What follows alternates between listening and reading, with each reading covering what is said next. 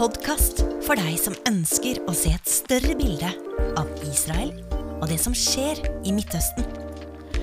Den kristne kirke kaller Paulus for den første teolog.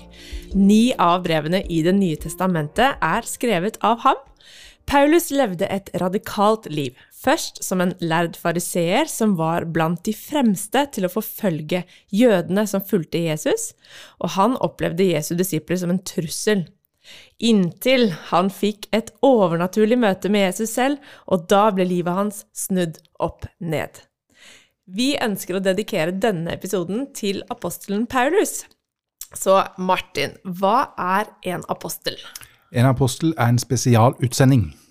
Og Paulus er Jesus' spesialutsending til oss som er ikke-jøder, altså til folkeslagene. Det er helt sikkert eh, veldig mange, kanskje alle kristne som hører på denne podkasten, som har hørt om Paulus. Eh, er det noen steder i Bibelen, eh, eller vet vi noe om hvordan Paulus så ut?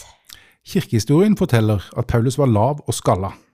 What? Ja, og i Bibelen kan vi lese om hvordan han fremsto som veldig tøff og barsk og tydelig i brevene sine, men i praksis så gråt han og var stusslig i møte med de han forkynte til. Oi, oi, oi. Jeg har sett for meg Paulus som sånn høy, mørk, sterk type. Han var kanskje litt annerledes, ja. Det er det man antar, da, i hvert fall ifølge disse skriftene. Eh, det vi vet om Paulus, det er at han var født ca. fem til ti år før Jesus ble født. Han dør i Roma i ca. år 67. Han vokste opp i Tarsus i Tyrkia, og faren hans var jøde av Benjamins stamme og romersk borger. Hans morsmål var arameisk og gresk, og i tillegg så lærte han hebraisk. Han var oppvokst da i en streng fariseisk tradisjon. Hva ligger i det? Han var fariseer. Rett og slett. Rett og slett. Som gjør at han fulgte loven og skriftene til punkt og prikk. Til punkt ja. og prikk, ja. Først så het han Saulus, men han byttet navn etter hvert til Paulus. Eh, han var da en eh, ja, dedikert religiøs fariseer, som vi sa, og så på Jesus og disiplene da som en trussel. Uh, ja, når er første gang vi hører om Paulus? Det er i apostelens gjerninger.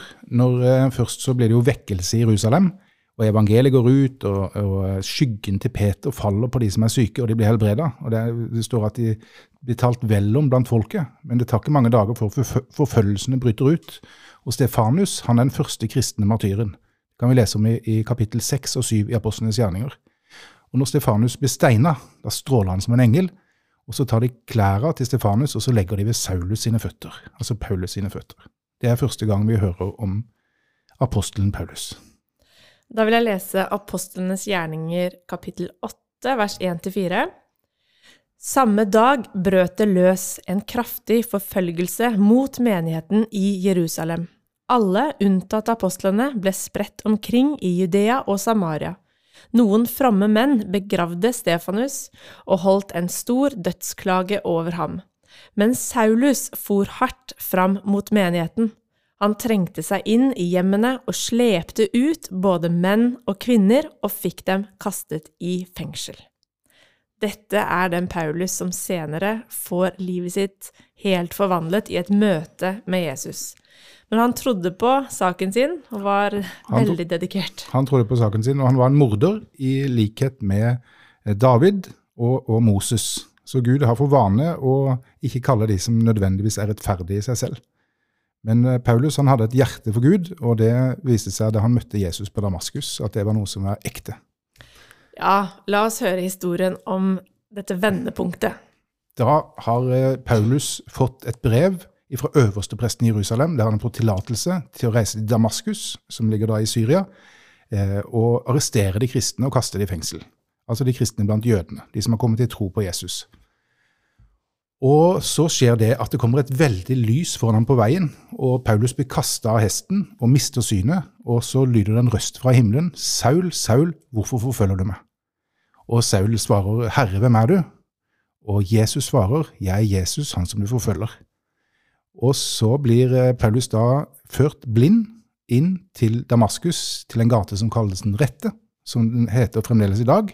Og der sitter han fortvila og fortumla og blind og hjelpeløs. Eh, og vet ikke, sikkert ikke hva han skal finne på. Men så kommer altså Ananias. Ja.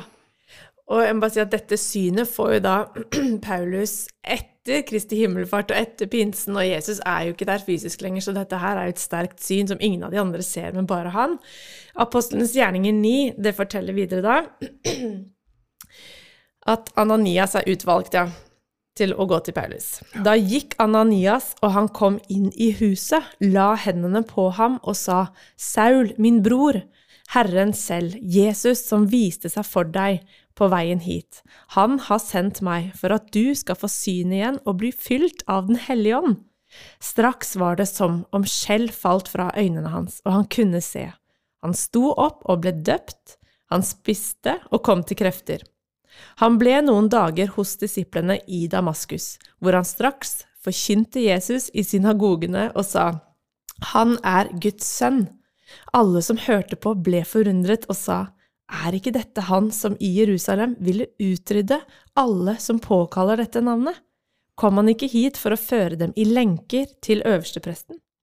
Men Saulus fikk stadig større kraft, og jødene i Damaskus ble svar skyldig da han viste klart at Jesus er Messias. Tenk deg det scenarioet.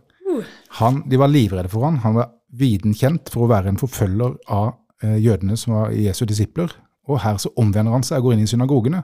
Én ting var jo for de som trodde på Jesus, men hva med de andre som var vant til å tenke på han som, eh, som en som var på deres side? Nå gikk han inn i synagogene deres og forkynte evangeliet, og viste ut fra skriftene, altså fra Det gamle testamentet, at Jesus var Messias. Ja, Det står jo at jødene var redde, og de faktisk planla å drepe Paulus også, fordi han var jo den som hadde forfulgt dem, og de trodde ikke først på han. De firte Paulus ut med en kurv fra muren i Damaskus, så han kunne rømme, så han eh, overlevde. Du, um, han fulgte jo da ikke Jesus og var jo ikke en disippel av Jesus, men allikevel kom han med denne fantastiske læren som vi eh, forholder oss til i dag. Hvordan fikk han læren sin og åpenbaringen? Nei, Paulus reiste ikke til Jerusalem, der han var kommet fra, til fariseerne, og heller ikke til apostlene, som fremdeles antagelig var samla der. De andre apostlene. Men han reiste til Tarsus, der han kom fra, som er en by i det som nå er Tyrkia. Og Der virka han som seilmaker, som var det yrke, eh, han var håndverker, som var det yrket han var opplært til. Og Så står det om at Paulus reiste tre år til den arabiske ørken, og der var han aleine med Gud. Og Her har altså Paulus fått åpenbaringer av Gud eh, over skriftene og over Jesu forkynnelse, eh, som eh, er det som eh, blir det eh, budskapet han går med som folkeslagen apostel. Og først seinere, lenge, mange år seinere, så reiser han opp til Jerusalem for å få apostlenes anerkjennelse som apostel. Paulus var på tre store misjonsreiser. Han reiste mye. Da er det jo gjerne i middelhavsområdet som han var, og så Hellas og Tyrkia. Og man kan gå Paulus' fotspor også. Det er kult at han liksom har vært i eh, Roma og, eh, og vært disse stedene som vi kan reise til i dag, ikke sant? Veldig spennende. Mm. Du, jeg har bare lyst til å lese Apostlenes gjerninger 9 og vers 15. Det er jo litt i tråd med det at Gud sa til Ananias at han skulle gå og, og møte Paulus. Da sier Gud, gå, for han, altså Paulus, er et utvalgt redskap for meg til å bære mitt navn fram for hedningefolk, konger og Israels barn. For jeg vil vise ham hvor mye han må lide for mitt navns skyld. Det er spennende dette at eh, Paulus var fariseer. Paulus var utdanna ved den eh, datidens eh, en av mest anerkjente jødiske teologene, Gemaliel. Han var opplært ved Gemaliels føtter, rabbineren. Og Gemaliel han var opplært ved Shamais føtter, som er en av to jødiske rabbinere som ennå i dag er de som mye av den jødiske tradisjonen bygger på. Det var Shamai og Hillel. Så Paulus var topptrent og en skarpskodd teolog i forhold til hvordan den jødiske tradisjonen tolker skriftene.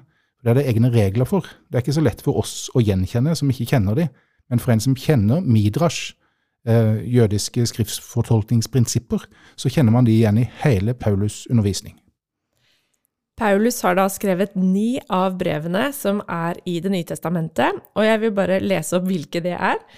Romerbrevet, Korinterbrevet, Galaterbrevet, Efeserbrevet, Filipperbrevet, Kolosserbrevet, første og andre Tessalonikerbrev og første Timoteusbrev.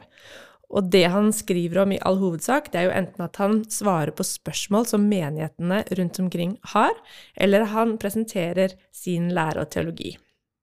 Og vi skal ta en god titt nå og et dypdykk i romerbrevet, som er ja, det lengste og noe av det viktigste som det, han skriver. Det er det læremessige hovedbrev. Ja. Eh, Paulus' læremessige hovedbrev. Og uten romerbrevet så hadde vi ikke hatt den kristne læra sånn som vi har den i dag.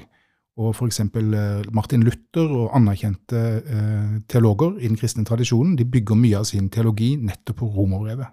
Så romerbrevet er eh, en nøkkel til å forstå evangeliet for oss hedninger. Da kan vi jo bare eh, tenke litt på hva er konteksten han skriver i. Eh, jødene har forkynt til jøder, men Paulus gjør noe nytt, og han forkynner evangeliet til ikke-jøder, altså til hedninger. Og han eh, kaller, kalles da hedningenes apostel. Så romerbrevet, hva var situasjonen da, som han skriver i? Nei, det, her, det, er jo til de kristne i Roma, de hedningkristne i Roma, som Paulus henvender seg til, og som skriver brevet til. Og Situasjonen i Roma var det at først så var det jo jøder som tok imot evangeliet. Først i Jerusalem, og så i andre steder i det store romerske riket. Men etter hvert så ble det flere og flere hedninger som tok imot og kom til tro. Så i Roma eh, så lå det jødiske synagoger og kristne menigheter i de samme gatene, og messianske jøder, altså som trodde på Jesus, og jøder som ikke gjorde det, og hedninger som trodde på Jesus, de levde side om side. Og så hendte det jo da at hedningene ble flere og flere, og jødene ble en liten minoritet i eh, menigheten. Hadde de, både jøder og ikke-jøder, eh, gudstjenester sammen? Eh, ja, de som trodde på Jesus, så var det helt naturlig. Der var det ikke mann eller kvinne eller jøde eller greker, eller ung eller gammel eller rik eller fattig. Alle sånne skiller var oppheva, og man kom sammen på lik linje, som hadde erkjent at de var syndere, og hadde tatt imot Guds nåde. Jeg kan jo se for meg at det byr på litt utfordringer når du har en ganske sterk kultur, da, som jødene hadde, og de hadde fått omskjærelsen, og de hadde fått loven, og så kommer ikke jøder inn, og de tror felles på Messias, men spørsmålene om kultur, det må jo dukke fort opp. Ja, det var jo ikke bare i Roma, men Nei. det var jo hele, hele, alle steder der kristendommen nådde frem. Og Apostelen hadde jo et eget møte i Jerusalem der de vurderte hva skal vi gjøre med hedningene som kommer til tro på Jesus. For det var en hemmelighet at jødene fikk del i det. Peter hadde jo fått et syn der Gud hadde åpenbart for ham at, at hedningene skulle få del i evangeliet. Så det her var en ny tanke for jødene. Ikke at Gud skulle velsigne folkeslagene og sånn, for det hadde jo vært et tema gjennom eh, hele Det gamle testamentet, men at de fikk del i evangeliet, det var nytt for dem. Um, så, så, så jødene hadde jo loven, som definerte hvem de var, og hele livet de sitt, regulerte alt de gjorde i samfunnet og i gudstjenesten, med høytider og, og, og, og det som hører til. Eh, og da hadde de et møte. Hva skal hedningene? Skal hedningene følge loven? Skal de omskjæres, sånn som Abrahamspakten? Skal de holde lovbuda, sånn som Mosespakten?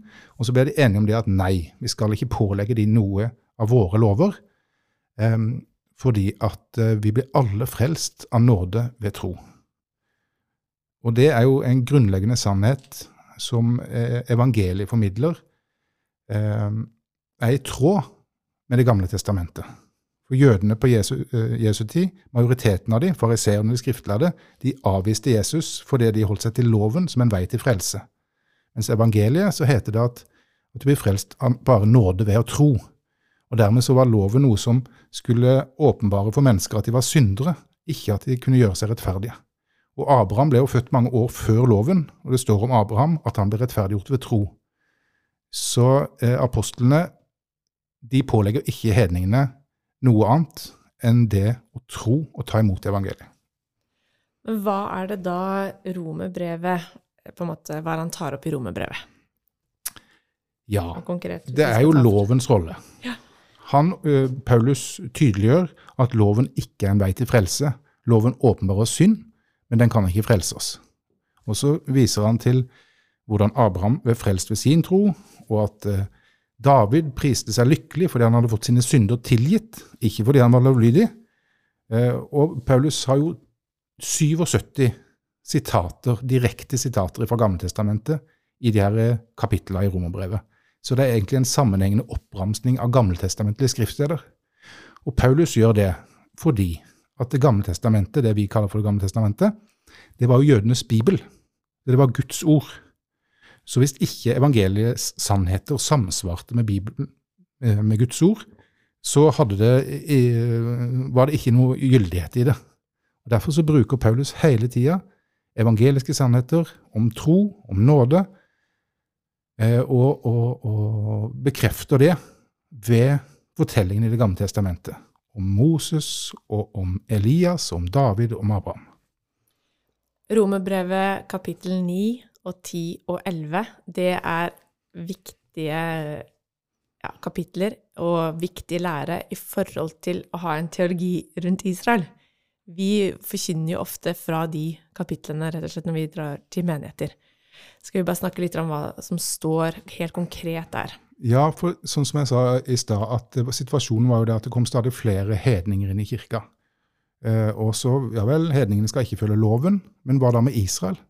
Er Israel fortsatt Guds folk? Står paktene og løftene fast? Paulus understreker det med all mulig tydelighet.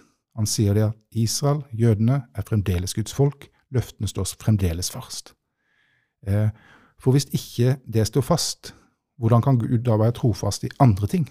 Hvis han har forkasta jødene for det ikke de ville tro, hvordan skal vi kunne tro for våre barn og for våre fremtidige generasjoner at de skal få nåde hos Gud, hvis jødene har mista den? Eh, så det er et hovedtema i rombrevet, dette med nåde med tro. Og så tar han dette her inn i konteksten med Israel. At alt det Gud har gjort, det gjør han av bare nåde. Og hver gang vi mennesker får del i fylden av Guds nåde og velsignelse, så er det fordi vi tar det imot i tro. Bare prøver å sette meg inn i hvordan det var å leve på den tiden da Jesus har kommet med en ny pakt, og ikke-jøder har plutselig del i denne fantastiske nyheten og tar del i hele det her, og vi blir podet inn på et tre som allerede er der fra før av.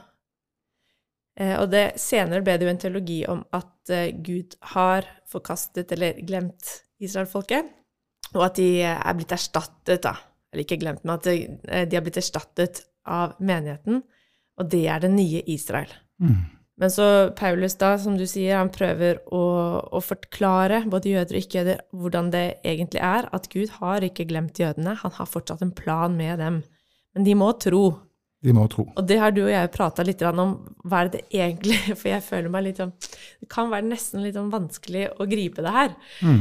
Men du har et godt bilde egentlig på det med å være en familie.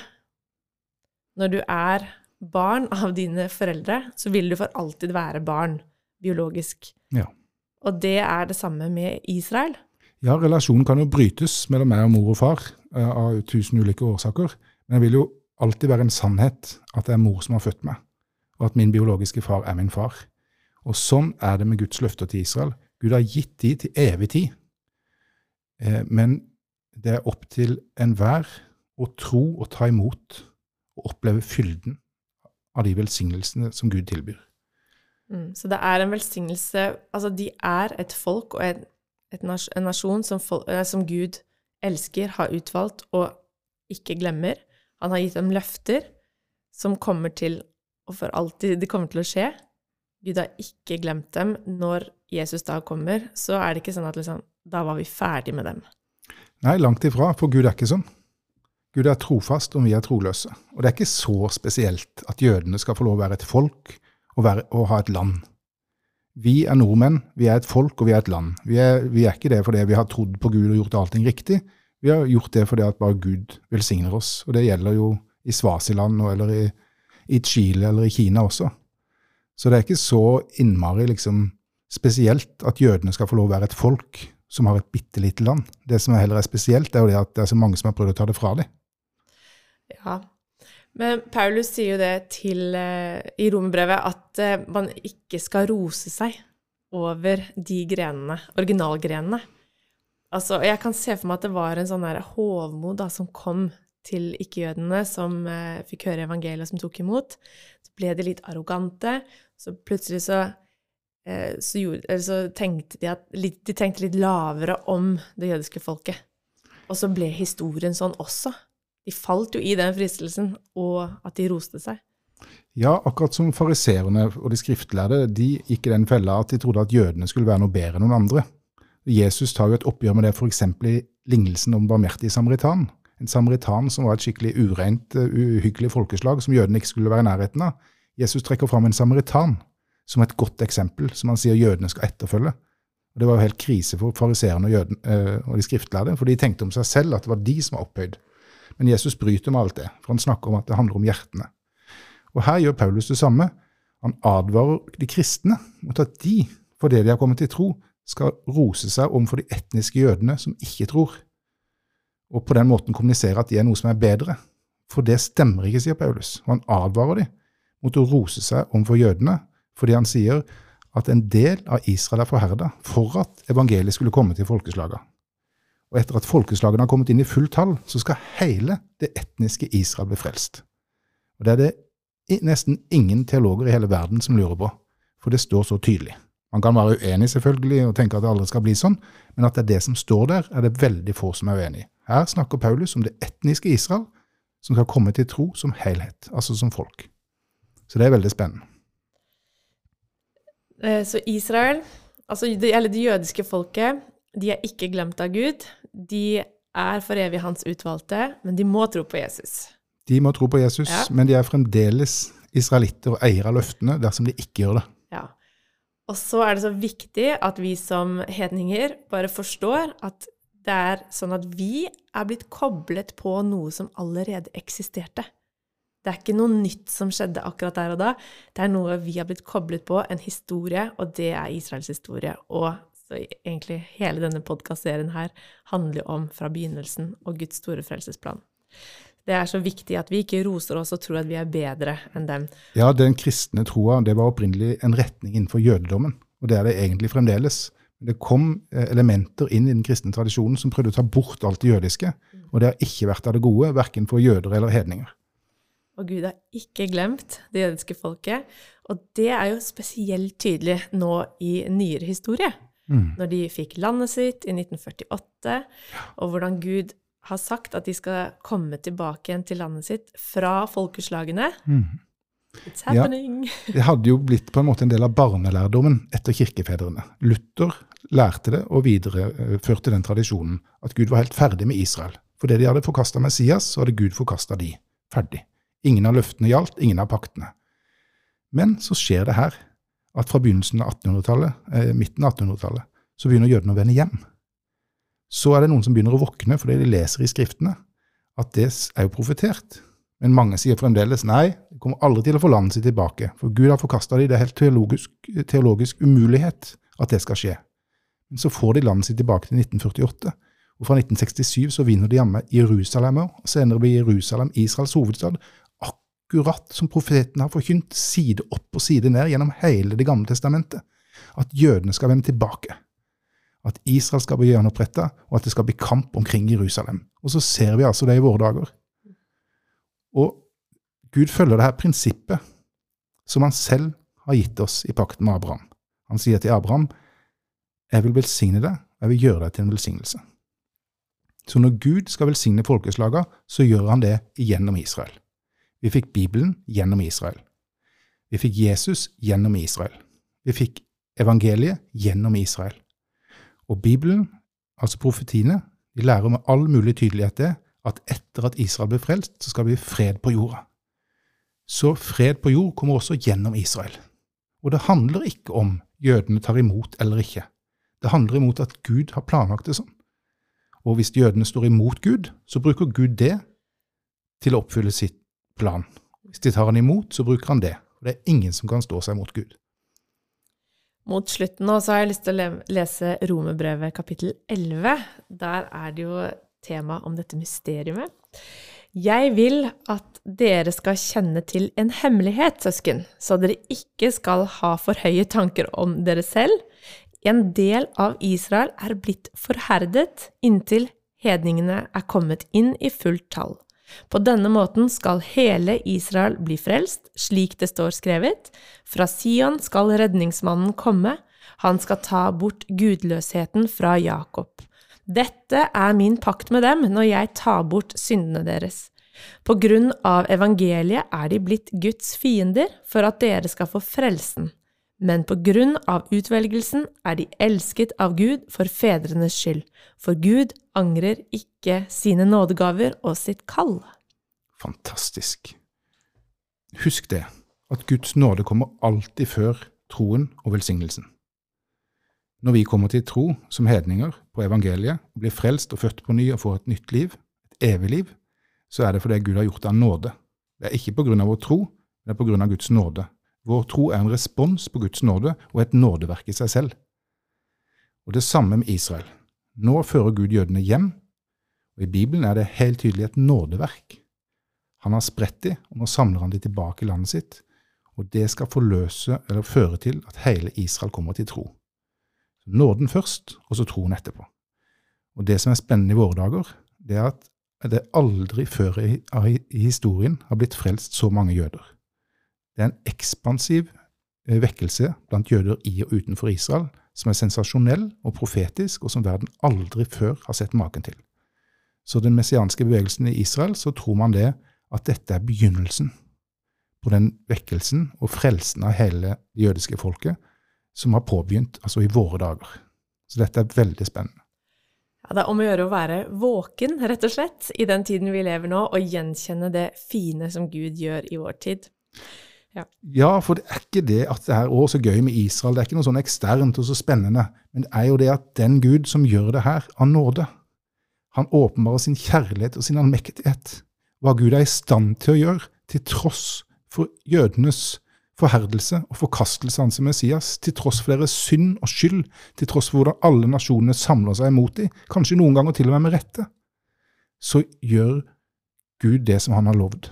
Og så har vi fått del i de løftene i våre liv, i våre familier, i vår arbeidssituasjon, i, i vår økonomiske situasjon, i forhold til helse, i forhold til liv og tjeneste og fellesskap.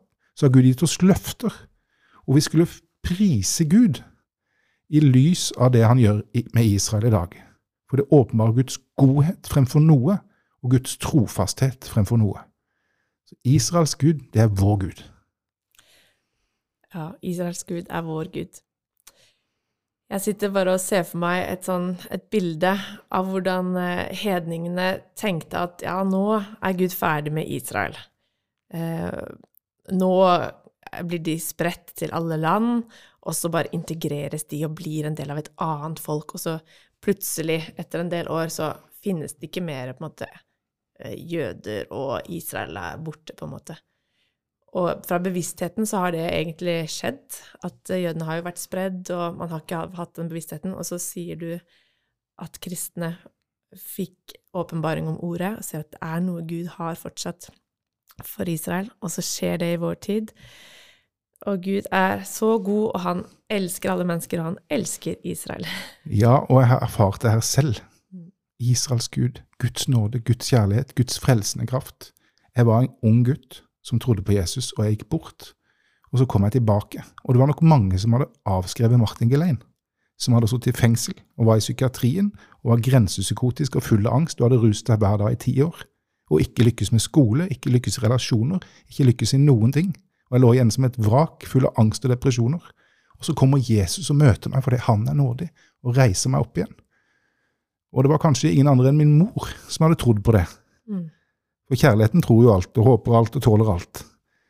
Eh, og så fikk hun se at det skjedde, at gutten hennes kom tilbake til Gud og ble reist opp til et nytt liv. Og akkurat det samme skal skje med Israel. For Gud er den samme. Nydelig. Da var det episoden om apostelen Paulus, og les gjerne Paulus sine brever. Forhåpentligvis har du fått litt mer kjøtt på beina nå når du leser romerbrevet, og forstår litt mer av konteksten der. Tusen takk for at du følger denne podkasten her. Spre den gjerne videre.